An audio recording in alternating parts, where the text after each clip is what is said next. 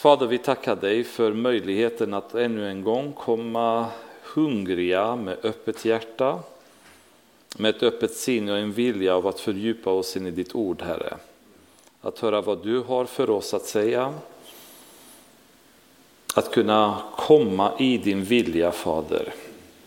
När vi vet vad du vill, när vi vet vad du säger till oss, så blir det lättare för oss, Herre, att söka din vilja. Då, då har vi en, en rätt utgångspunkt i våra böner, i vår, vårt gemenskap med dig. Fader, med ditt ord är djupt och innehåller många hemligheter och innehåller många delar som är ibland dolda för oss under vissa tidsperioder och epoker, Herre. Jag ber att ikväll ska du hjälpa oss att förstå från ditt ord det som vi behöver förstå här och nu idag.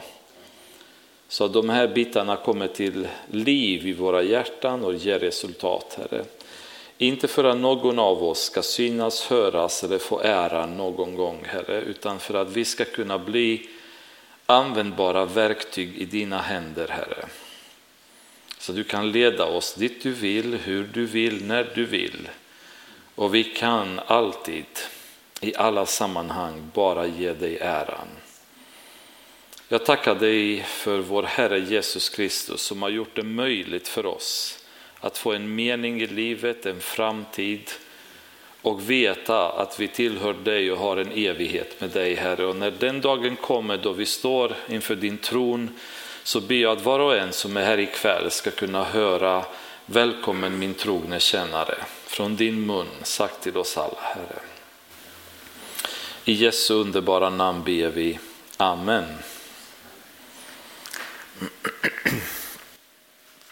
Då så, då öppnar vi Bibeln till Apostlagärningarna kapitel 12 har vi kommit till.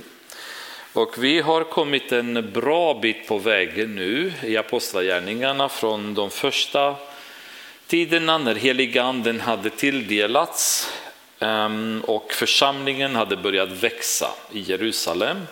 Vi har sett hur församlingen sedan har börjat sprida sig i Samaria, i Judeen och hur nu församlingen har börjat expandera sig mot resten av världen där norra Afrika börjar ta emot Jesus, där Antiochia blir ett starkt kristet centrum.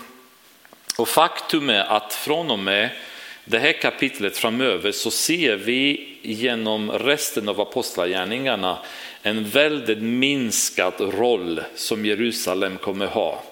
Eh, den som kommer växa framöver, det är Antiochia. Det är centrum där Paulus kommer ha, därifrån kommer han utföra sina missionsresor. Och centrum där väldigt många utav de icke-judar, alltså hedningar, samlades och kom till tro. Så Antiochia kommer faktiskt bli nu framöver en av huvud, de huvudstäderna då i apostlagärningarna därifrån evangelistiskt arbete kommer startas och eh, koordineras till stor del. Ni kommer ihåg att förra veckan så eh, avslutade vi kapitel 11 med att en profet som heter Agabus under Claudius eh, Eh, regeringsperiod hade profeterat om att det kommer ske väldigt mycket svält helt enkelt. Det kommer bli problem och eh, de kristna hade börjat nu samarbeta med varandra och börja hjälpa varandra. Framförallt hedningarna började skicka bistånd till Jerusalem där Judien var ett område som var hårt drabbat. Och, ehm, eh, kapitel 12 börjar med en, ett klassiskt sätt som många kapitel börjar i Bibeln. Och det börjar med att säga vid den tiden. Och när det är sådana början på olika verser eller olika kapitel, det är alltid väldigt viktigt att vi fastnålar när är den tiden, vilken tid pratar vi om? Eh, för att kunna undvika feltolkningar och fel sammanhang i det, det vi förstår framöver. Men Bibeln har inte skrivits i kapitel, Bibeln eller böckerna i Bibeln är skrivna som ett helt stort brev kapiteln har lagts av översättarna sen för att på något sätt få det lättläst, lättföljt för oss och organiserat för oss med verser och kapitel. Och eh, egentligen kapitel 12 kan vi se det som en fortsättning av kapitel 11 där vid den tiden då Claudius eh, regerade och svältperioden hade inletts kommer händelserna i kapitel 12 ske. Och det är för vår så att säga, orientering cirka år 44 efter Kristus. Vi kommer befinna oss nu i kapitel 12. Och det börjar med att säga att vid den tiden lät kung Herodes gripa och misshandla några i församlingen. Vem var den här kungen Herodes? Skulle jag vilja att vi stannar lite till, återigen för att få rätt förståelse om vem vi pratar om. Ni kommer ihåg att Jesus själv, när han föddes så var kung Herodes som hade mött de vise männen som kom och berättade att en kung har fötts i Israel. Och Herodes blev livrädd att är det någon som kommer ta makten ifrån mig, vad är detta? Och så försökte han sen att döda alla små barn upp till två år för att undvika att Jesus skulle överleva och därmed potentiellt bli kung och ta makten ifrån honom. Den kungen Herodes heter Herodes den store och det är inte den Herodes som vi pratar om här. Utan den Herodes som vi pratar om här heter Herodes Agrippa den förste och var barnbarn till kung Herodes som levde när Jesus föddes. Och eh, den här hela herodiska släkten är en väldigt invecklad släkt därför att de hade gift sig med varandras fruar. Någon hade snott någon annans fru och hade gift sig med henne. Och till slut så visste man inte vem som var vem i släkterna för de hade gift sig med systrar och kusiner och med alla möjliga så det blev en väldig gröt i hela den här herodianska släkten. Då. Jag kommer inte gå på djupet i det men det är ändå bra att vi placerar dem någorlunda klart. För um, Herodes Agrippa, jag vet inte, sa jag att han var son? Om jag sa det var som var det fel, det var barnbarn. Sa jag barnbarn? Bra, då sa jag rätt.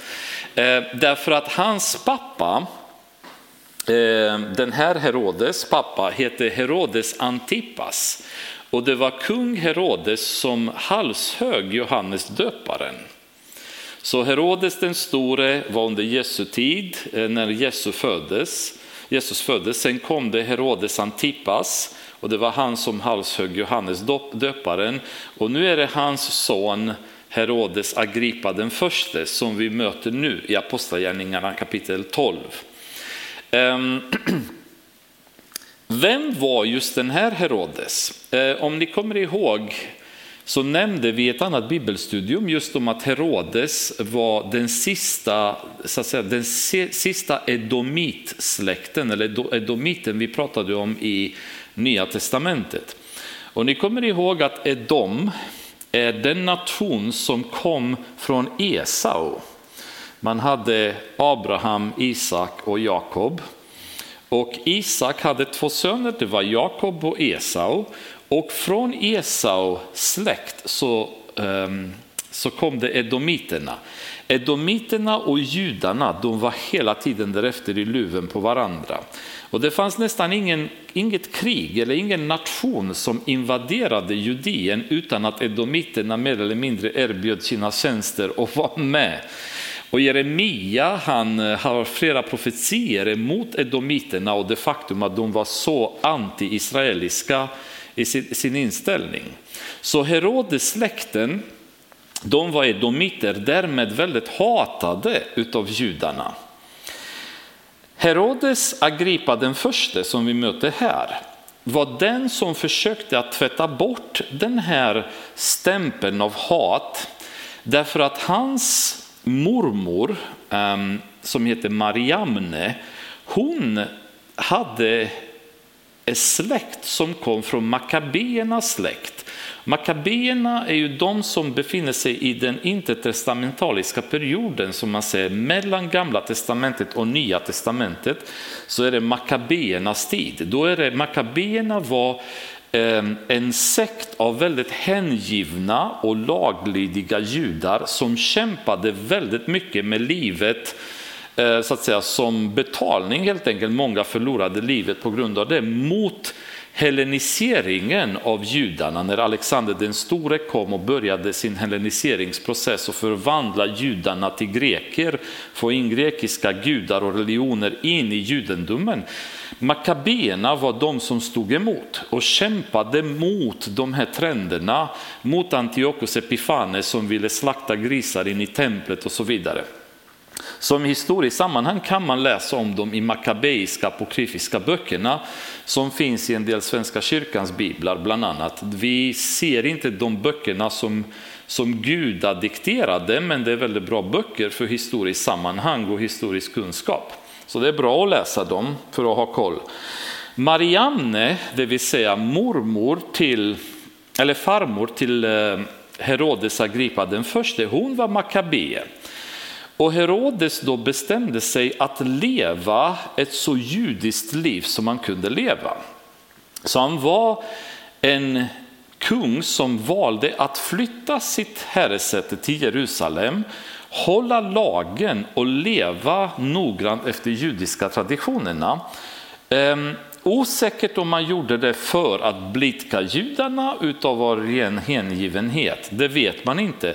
Men det resulterade i att judarna började tycka om honom och tyckte att han, han var en schysst kung. Visst är han Herodes, visst har han edomitiska rötter och så vidare, men han håller lagen, hans eh, farmor var Makabe, så det gick ju bra. Herodes då försökte att att, att eh, få judarna då att tycka om honom så mycket som möjligt. En judisk historiker som heter Josefus Flavius beskrev honom som att han älskade att bo i Jerusalem och mycket noga med att hålla sig till landets lag. Därför höll han sig helt ren och lät ingen dag passera utan att han, att han offrade det som krävdes. Så han försökte att leva ett bra, fromt liv utifrån juda, judaistiska lagen. Eh, och det som händer då, det är att det här levernet som han gjorde fick honom väldigt fientligt inställd gentemot kristna. Därför att kristna och de judar som var lagiska, de kom i konflikt med varandra. Kristna predikade Jesus, Jesus var hatad av judarna, därmed så började Herodes eh, hata kristna och försöka ge sig på dem. Och eh, det är intressant, eh, varför spenderade jag så mycket tid kring det? Därför att jag vill komma lite grann till vad som händer idag. Det är att människor kan ibland starta ett väldigt bra kristet liv. De kan vara väldigt aktiva i församlingar. De kan ha en tro, de kan leva nära Gud. Men det händer något intressant oftast med kristna när de hamnar i en position av kändisskap eller när de är politiskt engagerade. Även i vårt land så finns det exempel av kristna som har kommit in i riksdagen eller kristna som har blivit partiledare och man ser hur i den positionen när de kommer så börjar de dölja sin kristna tro. De börjar försöka att blidka etablissemanget. De börjar försöka att undvika att tala om de tydligast eh, kristna ämnena som de förut hade respekterat och talat om. Men nu befinner de sig i en maktposition och de är väldigt noga med att blidka median, de som röstar på dem och så vidare. Vi har idag en partiledare som är deklarerad kristen men som marscherar för aborter, som marscherar för homosexualitet, där kristna budskapet har försvunnit från hennes mun när hon befinner sig nu i medias fokus. Och min fråga är varför? Varför gör man det? Varför när man kommer i en maktposition, varför när man är en kristen sångare och hamnar i media så plötsligt börjar man sjunga icke-kristna låtar? Varför sjunger man inte vidare kristna låtar om jag är en kristen sångare? Varför står inte jag i tvn och prisar Jesus så som jag har gjort i församlingen innan jag har blivit kändis? Kändisskapet och politi politiska eh, engagemanget hos många kristna gör att de börjar vara noga med att försöka att blidka eh, folket, blidka median snarare än tillfredsställa Gud.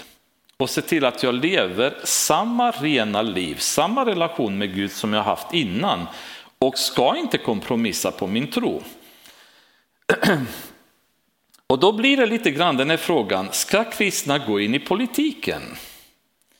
Och jag vet inte om det finns ett svar som är ja eller nej. Men frågan är, som jag skulle vilja vända på är, kan vi kristna klara av att gå in i politiken och fortsätta att vara hundraprocentigt lojala till Gud? Eller kommer vi bli korrupta när vi kommer in i politiken och vi försöker att säga det som kittlar människornas öron snarare än predika evangeliet och nyttja den här plattformen som vi har fått till att predika Gud till hela svenska folket. För det är en fantastisk plattform att få om man skulle kunna komma och bli en svensk politiker, partiledare, statsminister och kunna i tv, i tidningar vid varje tillfälle predika evangeliet för svenska folket. Vilken plattform det vore. Men har ni sett någon som använder den plattformen någon gång? Inte jag heller. Och det får mig att fundera på huruvida vi kristna överhuvudtaget är kapabla att hantera den, den positionen, den funktionen och fortsätta att vara lojala till Gud. För det är tragiskt att se hur många eh, situationer som har varit sorgliga i mänsklighetens historia på grund av eh, människor som har försökt att blidka andra människor. Ni kommer ihåg Pilatus som inte ville korsfästa Jesus. Men för att få judarna tillfredsställda så gick han med på det. Hans fru sa till honom, rör inte den här mannen för hela natten har jag varit, haft mardrömmar, jag har inte kunnat sova på grund av honom. Han är oskyldig, rör inte honom. Pilatus själva kommer och säger han är oskyldig, han har inte gjort någonting. Men judarna vrålade korsfäst honom, korsfäst honom. Och för att blidka judarna så gör han det. Han dödar mänsklighetens frälsare för att blidka folket. Och Herodes är precis i den här sitsen där han, han försöker att blidka folket. Jag tycker det är eh, beundransvärt när kristna profiler, trots att de får väldigt mycket stryk och väldigt mycket motstånd, står fast vid, vid, vid sitt vittnesmål. Ni kommer ihåg för några år sedan hur Åke Gren, pastorn från Öland, blev släpad inför rätten för, på grund av att han har predikat emot homosexualitet. Och det blev en ramaskri och, och det var ju, man bara kände det ska ju inte hända i ett land som Sverige, men han backade inte utan han stod för vad han trodde och var beredd att betala priset och hamna i fängelse om det så krävs. Och det tycker jag är fantastiskt när människor kan betala det priset och acceptera det. Um, och det är Vi som kristna alltså måste, måste vara väldigt noga med att stå fast vid det. Har ni i skolan, på jobbet, för det har jag gjort kan jag erkänna inför er här ikväll. När någon någon gång har gjort ett skämt som var illa menat om Jesus, man skämtar om honom men man, man smutsar ner honom i ett skämt och alla börjar skratta och man själv försöker att lite dra på mungiporna samtidigt som man känner sig obekväm in, inombords istället för att bara säga vad säger ni? Har det hänt er? För det har hänt mig.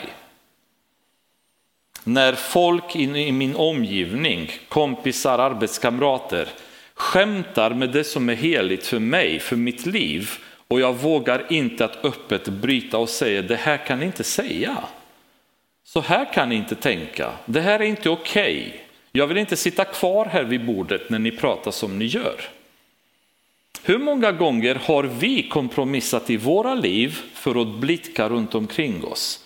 Så att våra vänner inte tycker att vi är okola, så att de inte tycker att vi inte är med i deras kretsar, så att våra arbetskamrater inte tycker att vi är fanatiker, så att grannarna ändå ska tycka att det är roligt att umgås med oss. Och vilket pris är vi beredda att betala i vår tro för att kunna blicka runt, folket runt omkring oss, vilka de nu är? Och det är väldigt sorgligt, men det är någonting som vi bör lära oss från att det kommer alltid skapa problem. Kompromiss, kompromiss ger aldrig något bra resultat. Daniel hade beslutat sig i sitt hjärta, om ni kommer ihåg kapitel 1 i Daniel, att inte förorena sig med maten som var vid Nebukadnessars eh, eh, palats. Och det var en, en attityd som kunde ha kostat honom livet. Han stod fast vid det och det resulterade i framgång i sitt liv. Han ville inte kompromissa. Han ville inte göra som alla andra hade gjort. Bland de judar som han hade kommit med, utom Sadrak, Mesak och Abednego, utom hans tre kompisar, alla andra judarna som kom till Nebukadnessars eh, palats hade bestämt sig att äta den mat som hade serverats dem. Daniel inser att det här skulle inte göra Gud glad. Och det här kan jag inte göra, men jag kan blidka honom, jag kan blidka min fångvaktare, jag kommer skapa problem med min fångvaktare. Det spelar inte så mycket roll, det är inte så märkvärdigt. Men det kom ett beslut som han tog i sitt hjärta, jag ska inte kompromissa. Och det gjorde han inte. Men Herodes valde att gripa och misshandla några i församlingen. Och Jakob, Johannes bror, lät han avrätta med svärd. Nu är det samma sak här. Det finns ett antal Jakob i Bibeln, så vi kan ju lokalisera vilken Jakob vi pratar om och versen hjälper oss att se det är Jakob, Johannes bror. Ehm, Jesus hade två lärjungar som hette Jakob, en som hette Jakob, Alfeus son, och sen Jakob, Sebedeus son och bror till Johannes. Så denne Jakob var bror med också aposteln Johannes. Och de kallades av Jesus Boanerges, det vill säga åskans söner. Förmodligen var de ganska eldiga killar, vi antar det, och så kallade Jesus dem för åskans söner. De var bröder och de, deras pappa heter Sebedeus. Men sen finns det ytterligare en Jakob som vi kommer möta i Apostlagärningarna och det är Jakob Jesu bror som faktiskt blir en av de stora ledarna i den kristna, tidiga kristna församlingen. Vi kommer möta honom bland annat i kapitel 15 när vi kommer där. Och han är författare till Jakobs brev som vi har i Bibeln sen senare.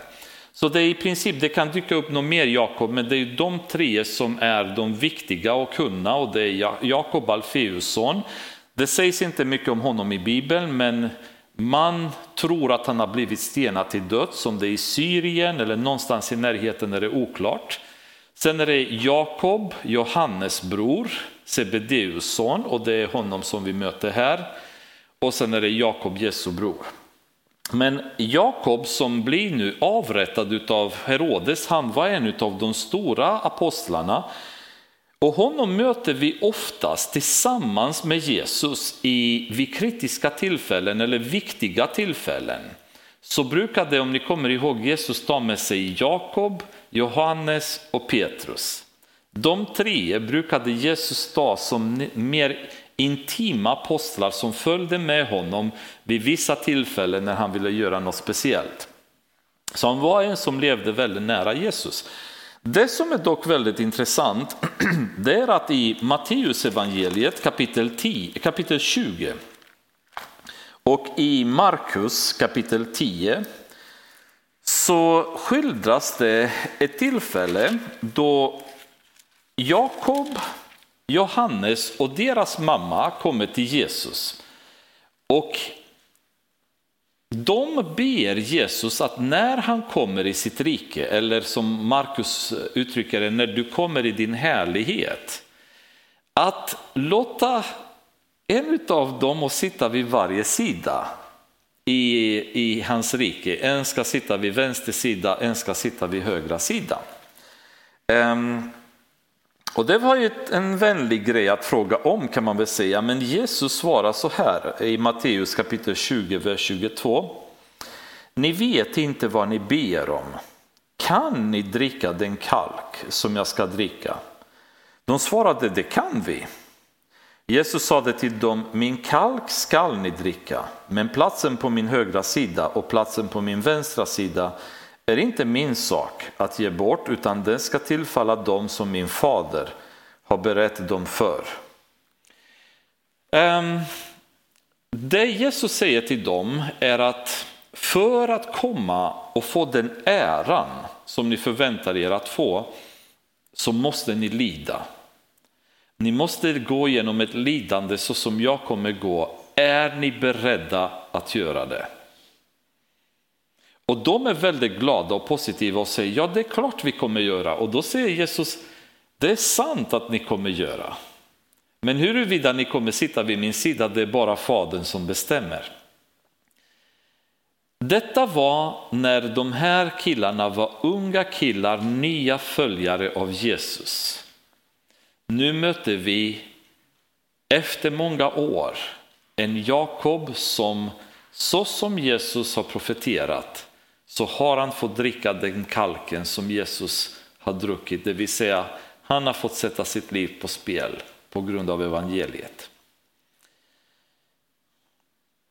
Och det är både glatt men lite sorgligt när man ser det ske och hur människor har varit tvungna att dö för sin tro. Men ibland så tänker jag, och jag tänker när jag tittar på er, framförallt en del som är yngre här. Ni sitter här och ni lyssnar på ett bibelstudium ikväll. Men vet ni kanske att om några år så kommer er tro sättas på spel på allvar?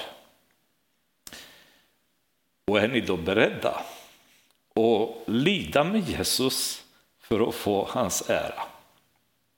Är vi beredda allihopa att lida med honom? För enligt evangeliet och Jesus predikan, vi kan aldrig uppleva ära utan att uppleva lidandet. Det finns ingen genväg till att uppleva, att bli upphöjd i himlen utan att kunna smaka på Jesu lidande. Jesus sa den som följer mig ska ta upp sitt kors och följa mig. Det är liksom ingen, ingen dans på rosor som vi är kallade till utan det är till lidande. Men hur många av oss är beredda att genomgå den lidandet? Många av oss vill ha äran, vi vill ha makten, vi vill ha styrkan, vi vill kunna driva ut demoner, vi vill se väckelse, vi vill kunna göra så mycket. Men det finns ingen väg att komma dit om vi inte går igenom lidande. För det är i lidandet så vi förfinas, vi förfinar vår tro och blir Kristi lika. Vi kan inte bli Kristi lika om vi inte lider. För hela hans liv har varit en förföljelse och ett lidande utav olika orsaker. Och vi ser det som hände, Jakob är den första aposteln som får dö för sin tro, men sen en efter en efter en efter en så blir det samma sak för alla andra utom Johannes som dör av ålderdom efter att han har blivit kokande i en oljefat. Um, han är den enda som vi vet har klarat sig från martyrdom. Alla andra har fått dö för sin tro och många fler därefter. Men samtidigt så, som någon säger, det är martyrernas blod som har vattnat evangeliets fält. Det är de här människornas liv som har skapat en möjlighet för oss att sitta här idag. För de har bestämt att gå hela vägen och de har velat. Jakob och Johannes sa, vi är beredda att dricka den kalken och de menade det de sa. Och Jesus sa, ni kommer dricka det. Och det gjorde de. De fick lida.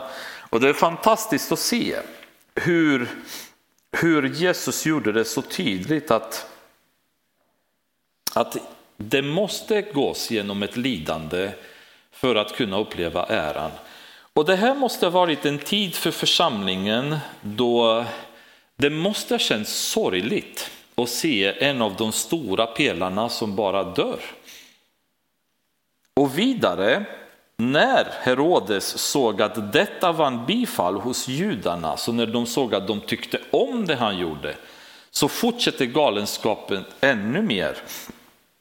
Då fortsatte han och lät gripa också Petrus. Detta hände under det osyrade brödets högtid. Sedan han gripit honom satte han honom i fängelse och gav i uppdrag åt fyra vaktavdelningar om vardera fyra man att bevaka honom.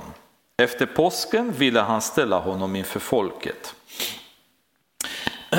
Petrus hade tillfångatagits tidigare, Eh, två gånger tidigare, men varje gång har han klarat sig undan. Så han kommit ifrån och klarat sig, men den här gången är Herodes bestämd att han kommer inte att komma undan.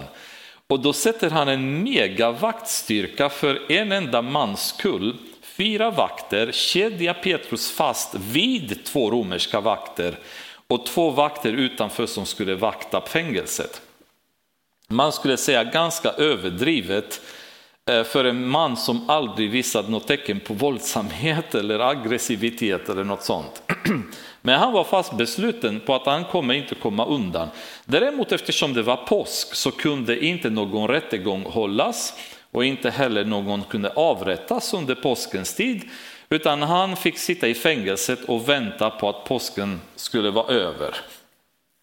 Och eh,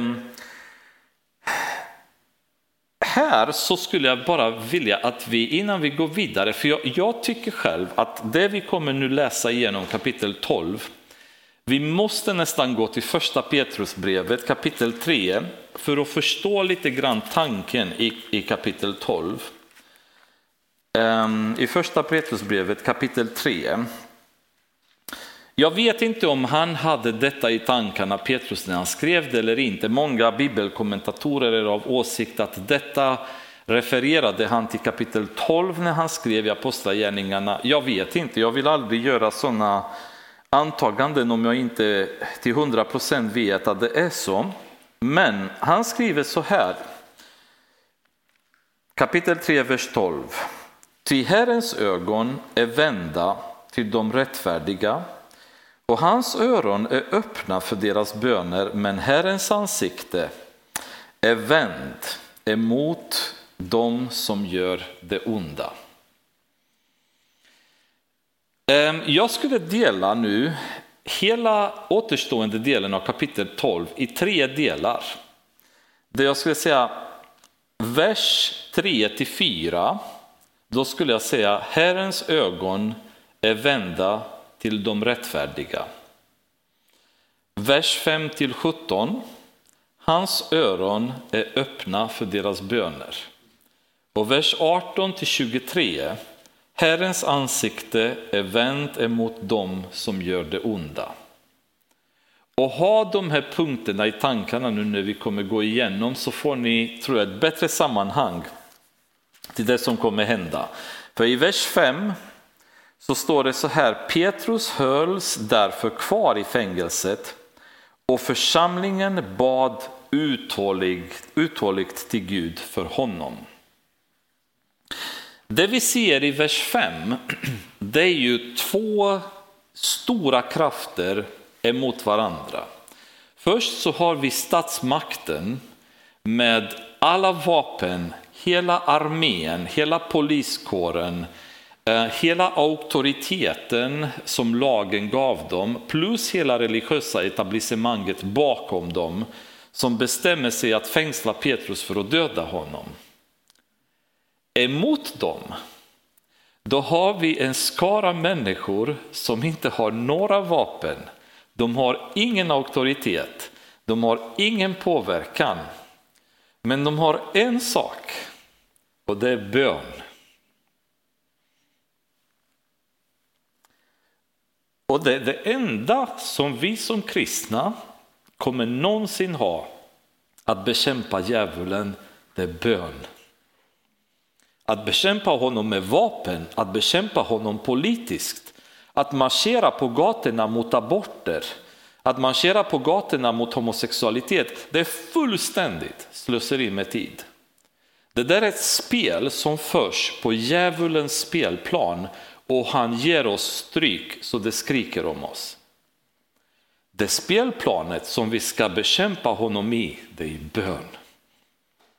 Han har inget vapen emot bön, för i bönen så har vi Gud bakom oss.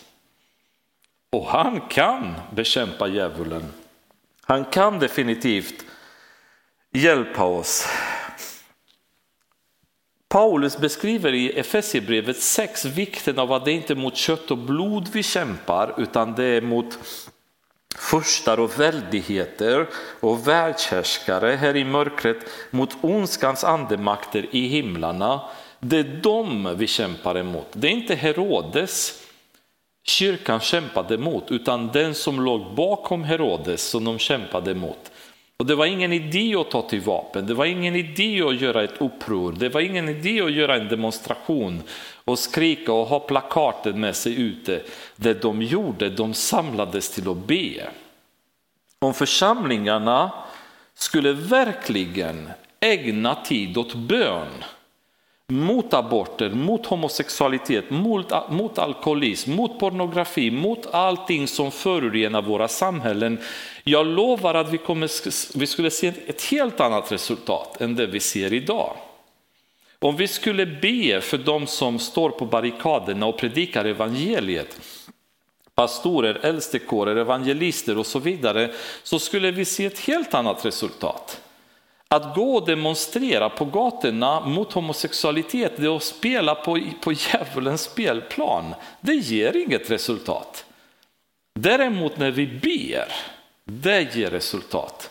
Det är där vi kommer se resultatet i det vi gör. Jesus, han sammanfattade själv det väldigt, väldigt bra tycker jag i Johannes, eh, Johannes kapitel 14.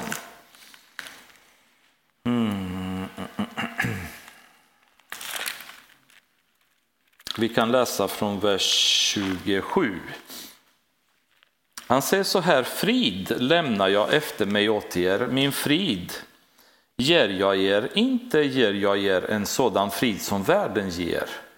Låt inte era hjärtan oroas och var inte modlösa. Ni har hört att jag har sagt er, jag går bort och jag kommer till er igen. Om ni älskade mig skulle ni glädjas över att gå till Fadern. Till Fadern är större än jag. Och nu har jag sagt det till er innan det sker, för att ni ska tro när det har skett. Det är inte mycket mer jag kommer att säga, att komma att säga er, till denna världens första kommer. Men sen kommer det så fantastisk avslutning på den versen. Mot mig förmår han ingenting. Denna världens furste kan vara hur aggressiv, hur ond, hur mäktig som helst, men Jesus säger, men mot mig förmår han ingenting. Det är därför är bönen så otroligt viktig för oss. Det är därför namnet Jesus har så makt. Det är därför folk undviker namnet Jesus så mycket, till och med kristna i predikningar, i låtar. Eh, ni, ni, lyssnar ju säkert mycket på en del lovsång. Det finns massa lovsånger som kristna sjunger där namnet Jesus inte finns i låtarna. Varför? Därför att det är det enda som djävulen är rädd för. Han är, det är Jesus, det är mot honom han inte förmår någonting. Alla andra förmår han att kämpa mot, men inte mot Jesus. Inte mot namnet Jesus, inte mot bön. Han har inget vapen som kan gå emot det. Och Paulus säger det mot de makterna som vi kämpar, inte mot kött och blod, så kanalisera er uppmärksamhet, ert fokus på bön. Tänk om församlingarna skulle upptäcka att det är bönen som genererar så att säga, så att man får Guds vilja igång så att vi får världen att röra på sig helt enkelt genom bön. Att våra sjukdomar, våra familjer, våra samhällen skulle förändras genom bön. Tänk hur bönemötena skulle vara i kyrkan då, när folk inser bönens kraft och ser att varenda gång vi ber i Guds vilja så flyttar vi berg. För att vi har Gud bakom oss, vi har Jesus bakom oss och mot honom förmår inte djävulen någonting alls. Och vad kristna gjorde när Petrus var i fängelse, de gick inte och började lobba och dra i kontakter och muta eller ringa samtal, utan de gick till bön och började be. De började be. Hans öron, säger Petrus, i första Petrus 3.12 är öppna för deras böner. För de rättfärdigas böner. Så ha, ha det i åtanke att försöka att inte bekämpa djävulen på sin spelplan utan flytta kampen in i vårt spelplan i bön. Alla andra områden kommer han besegra oss i, men inte i det andliga planet och det i bön. Där kan vi besegra honom. Natten innan Herodes hade tänkt ställa honom inför rätta låg Petrus och sov mellan två soldater bunden med två kedjor och utanför dörren stod vakter som bevakade fängelset. Alltså om ni skulle befinna er i fängelset och vet att imorgon så kommer ni avrättas. Skulle någon av oss ligga och sova då? um, Och jag vet inte, alltså, det är lite roligt det här, för Petrus han har en historik av att sova. Ni kommer ihåg att när han följde med Johannes och Jakob med Jesus in i Getsemane så tog Jesus undan just de med tre för att de ska vaka under den tiden han skulle be. Men Petrus han somnade då ihop med de andra. Så det, det, är bara lite roligt, jag tror inte det har med det att, att Petrus är bara en som sov hela tiden, men det är lite kul att nu hittar vi honom kvällen innan han ska dö. Då ligger han fastkedjad och sover. Och faktum är att han sover så djupt så han ser inte ens ljuset från ängeln som kommer i fängelset, utan ängeln är tvungen att kicka till honom för att väcka honom till liv. Och jag skulle säga att det, för mig, det här visar lite mer Hans hjärta och hans relation med Gud. Den förtröstan och lugnet av att Gud gör det han gör. Jag behöver inte sitta här och agitera mig och vara orolig och så vidare, för det hjälper ingenting. Och därför är det så på så många ställen i Bibeln det står oroa er inte. Att stå vaken och oroa sig har ingen som helst betydelse. Dessutom så kanske är det rätt skönt att lägga sig och sova när man vet att man har en församling bakom som ber till Gud för mig. Då kan jag säga godnatt till soldaterna, lägga mig och säga det här kommer bli bra, Gud kommer göra sin vilja oavsett. För det var inställningen som de tre hade i Danielboken om ni kommer ihåg, när Nebukadnessar skulle slänga dem i den brinnande ugnen. Då säger de till, till honom att vi bryr oss inte om vi lever eller inte lever, om Gud räddar oss eller inte. Vi kommer ändå inte tillbe din staty, säger de till honom. Så huruvida vi dör eller lever läste vi för bara ett par två bibelstudier sedan. Vare sig vi lever eller dör så gör vi det är Kristus som gäller i vårt liv. Resultatet spelar ingen roll, så han ligger där och sover gott och djupt. För plötsligt i vers 7 så står det, och se en Herrens ängel stod där och ett ljussken lyste upp i rummet. Ängeln stötte Petrus i sidan och väckte honom och sade, skynda dig upp. Då föll kedjorna från Petrus händer och ängeln sade till honom, sätt på dig bältet och ta på dig sandalerna. Petrus gjorde det och ängeln sade, ta på dig manteln och följ mig. Följ mig. Petrus gick ut och följde honom, men han förstod inte att det som skedde genom ängeln var verkligt, utan trodde att han såg en syn. De, gjorde, de gick förbi den första vakten och så den andra och kom sedan till järnporten som ledde ut i staden och den öppnades för dem av sig själv. Så kom de ut och gick längs en gata och plötsligt lämnade ängeln honom. När Petrus blev sig själv igen sade han, nu vet jag verkligen att Herren har sänt sin ängel och räddat, räddat mig ur Herodes hand och från allt som det judiska folket hade väntat sig. En väldigt härlig, härlig händelse kan man väl säga. Där, den är, ju, den är så häftig så Petrus själv trodde inte att det var på riktigt utan han tänkte att han ser en vision. Och bara när han blev själv kvar ute på gatan utan ängeln då fattar han att aha, det här var ju på riktigt då och då, då fattar han att han hade blivit räddad. Det jag tänkte på däremot här, det är att bara verserna innan så står det att Jakob hade halshuggits. Han hade, de hade dödat honom med svärd. Varför har Jakob tillåtits att dö, men inte Petrus? För trospredikanterna idag säger att om jag är sjuk är det för att jag inte har tillräckligt med tro. Och när någon blir frisk så blir de friska för att de har tillräckligt med tro. Och därmed är det hela tiden fokus på oss.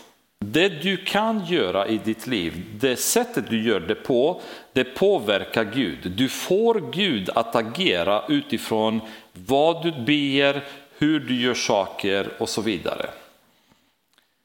Det vi ser här det är Guds absoluta suveränitet. Där Jakob bestämde Gud att han fick dö. Hade Jakob mindre tro, tror ni, än Petrus hade? Bad församlingen mindre för Jakob än de bad för Petrus? Hade de mindre tro för Jakob än de hade för Petrus? För jag tror inte de hade jättemycket tro för Petrus, kommer vi se lite senare i texten faktiskt. Faktum är att de hade ganska lite tro i deras böner. Så hur kommer det sig att Jakob dör men inte Petrus? Enligt trosrörelsen idag så betyder det att Jakob förmodligen var syndare, eh, bad inte i tro, församlingen kanske inte hade tillräckligt med tro.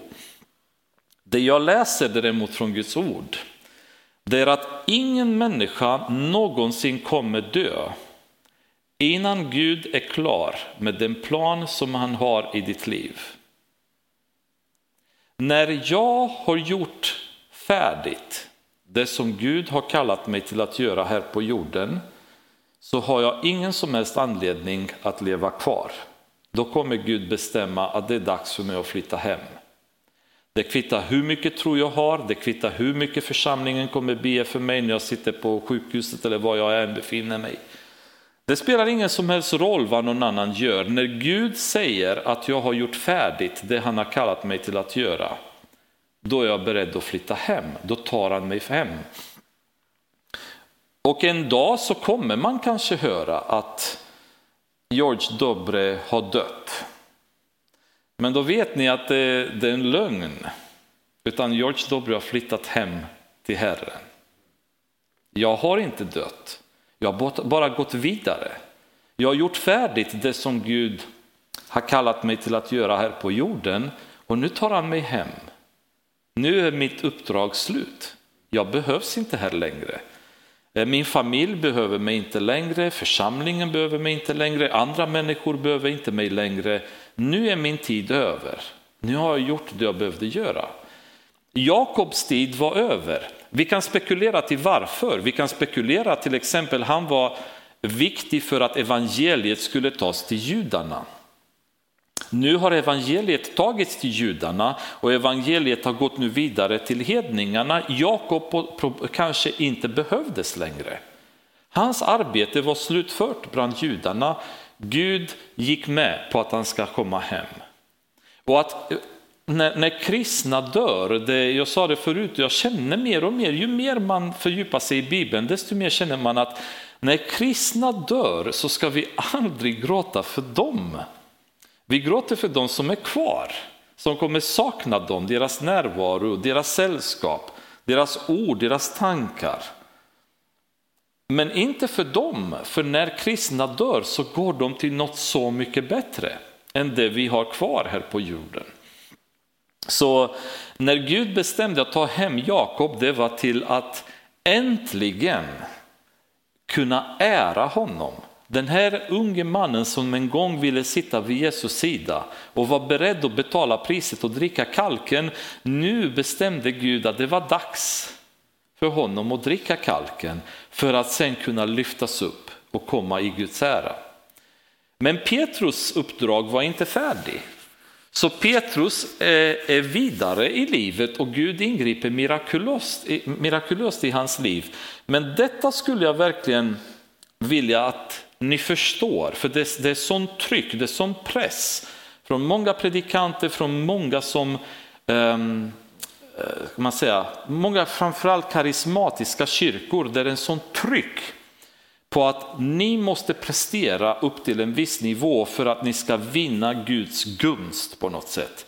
Så att Gud ska anse er värdiga att, att botas, värdiga att göra olika saker och så vidare. I själva verket så måste vi förstå att när Gud kallar oss till någonting, Paulus han säger hela tiden i princip att han inte kan förstå hur Gud har kallat honom annat än att det var genom Guds nåd.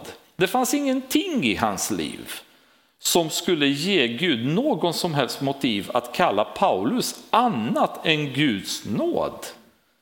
Och Paulus hela tiden predikar detta att om han har kallat mig, om han har gjort det här genom mig, då är det möjligt att göra det genom vem som helst. För jag är den största av syndarna, säger han. Han hade inte högst tro eller bäst tro. Han hade inte mest goda gärningar. Han var den sämsta av syndarna och Gud har bestämt att kalla honom. Varför? Därför att Gud gör som han vill. Det är det som är så fantastiskt och utvilande för mig som kristen, för då blir mitt fokus att hela tiden leva i Guds vilja snarare än prestera för att tvinga Guds hand att använda mig till någonting. Gud kommer sen utrusta mig. Vi ser, vi läser i Bibeln åtskilliga gånger att det är Gud som ger oss tron. Så inte ens tron kan jag komma och säga Gud, jag tror, jag har så stark tro. För tron som jag har kommer från Gud. Han ger mig tron för att kunna utföra det han har kallat mig till. Och i Jeremia så säger Gud i kapitel eh, 1, vers 5. Innan jag formade dig i moderlivet utvalde jag dig och innan du kom fram ur moderskötet helgade jag dig. Jag satte dig till en profet för folken.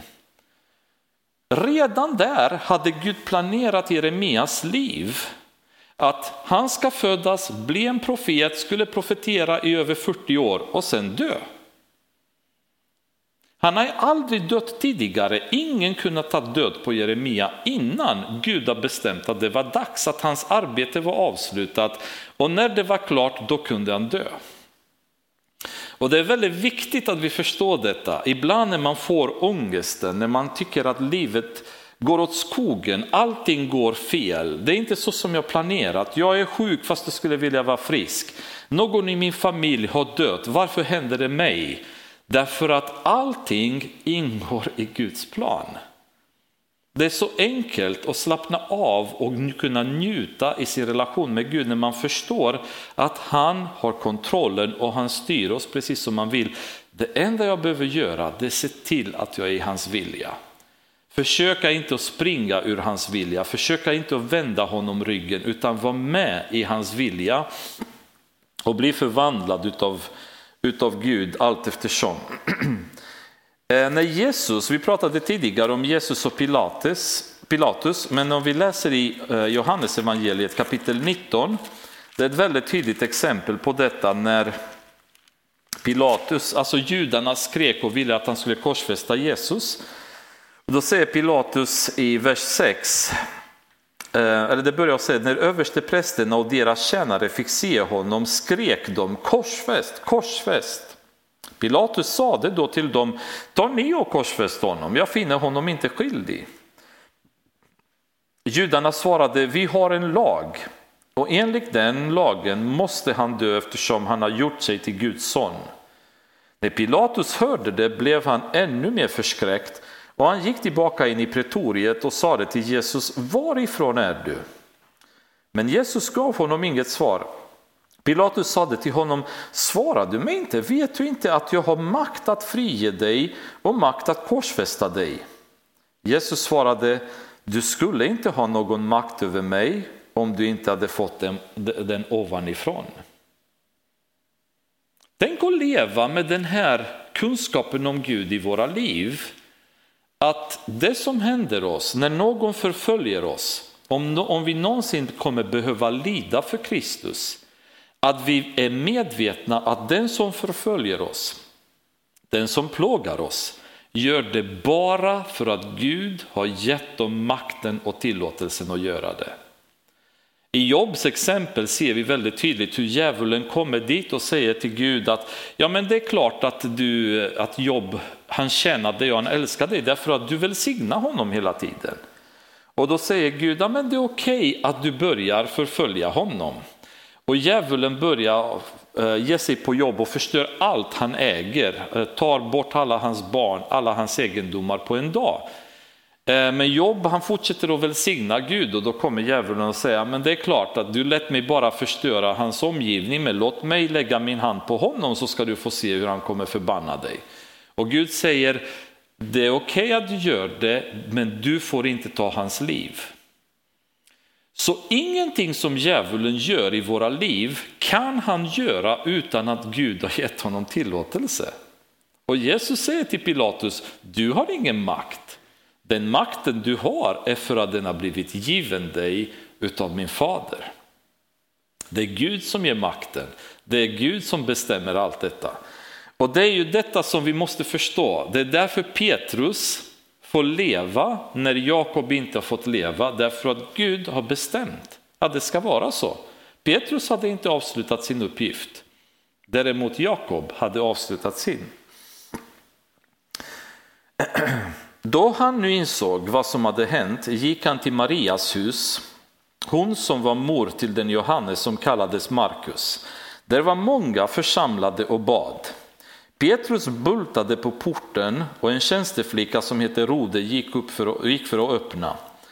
När hon kände igen Petrus röst blev hon så glad att hon istället för att öppna porten sprang in och berättade att Petrus stod utanför porten.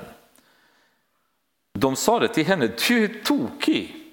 Men hon höll fast vid att det var så och då sade de, det är hans ängel. Alltså den här är församlingen som var samlad för att be för Petrus. De bad att Gud säkert ska befria honom eller vad ämnet var kan vi bara föreställa oss. Men när bönesvaret kommer, då säger de till tjejen, du är tokig, du fattar inte vad du pratar om, det kan inte vara Petrus. Med andra ord kan det inte vara så att Gud besvarar våra böner. Eller kan det verkligen vara så? Nej, det måste vara hans ängel. Och det här svaret tycker jag är ännu märkligare därför att sannolikheten att det hade varit Petrus hade varit betydligt större än att de hade sett en ängel.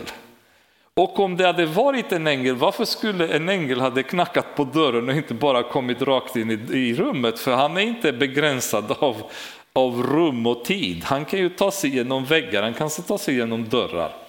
Så man kan inte riktigt påstå att deras tro kanske var så fantastisk. Men det här tycker jag är så otroligt tröstande för en svag tro som jag så många gånger har i mina böner. När jag ber till Gud med en sån liten tro. För det är sällan så kan jag säga att min tro känns att det kan flytta berg. Men jag tror att det är faktiskt rätt. För att egentligen vår tro kan inte flytta berg om inte Gud ger oss en tro som kan flytta berg. Och när vi kommer ha den tron så kommer vi ha det på ett sådant sätt så att äran i bönen ska aldrig tillkomma oss utan det tillkommer honom. För om vi ber och vi tror att våra böner är de som flyttar berg det jag säger, det jag gör, då är redan där så börjar jag ta ifrån Gud hans ära.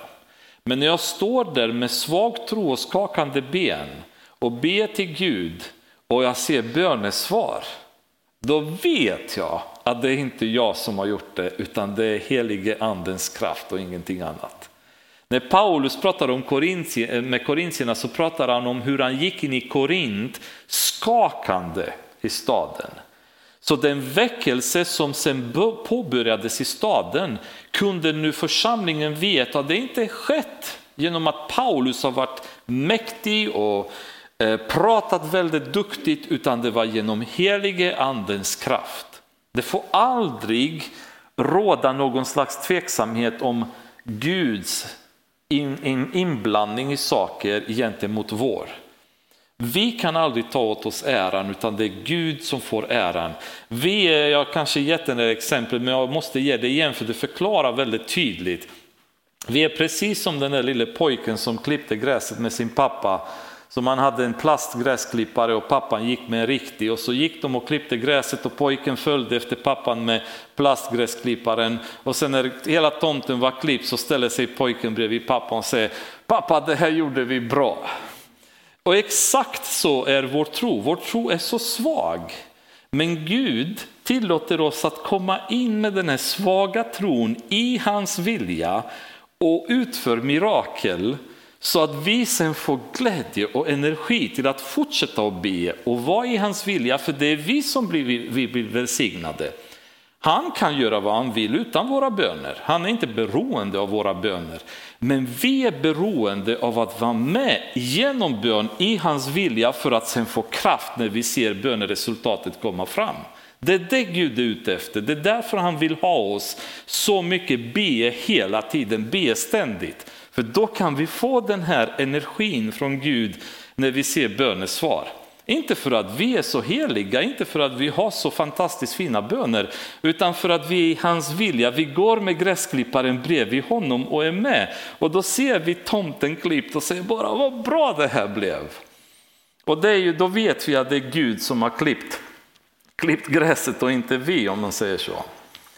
Eh, jag gillar jättemycket detta, att det är faktiskt nämnt och det är lite komiskt inslag i hela kapitlet.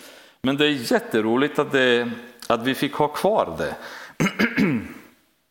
Under tiden fortsatte Petrus att bulta och när de öppnade såg de till sin häpnad att det var han. Han gav tecken åt dem med handen att vara tysta, så förmodligen skrek de och pratade i mun på varandra så han fick, han fick tysta ner dem. Eh, och förklarade han för dem hur Herren hade fört honom ut ur fängelset.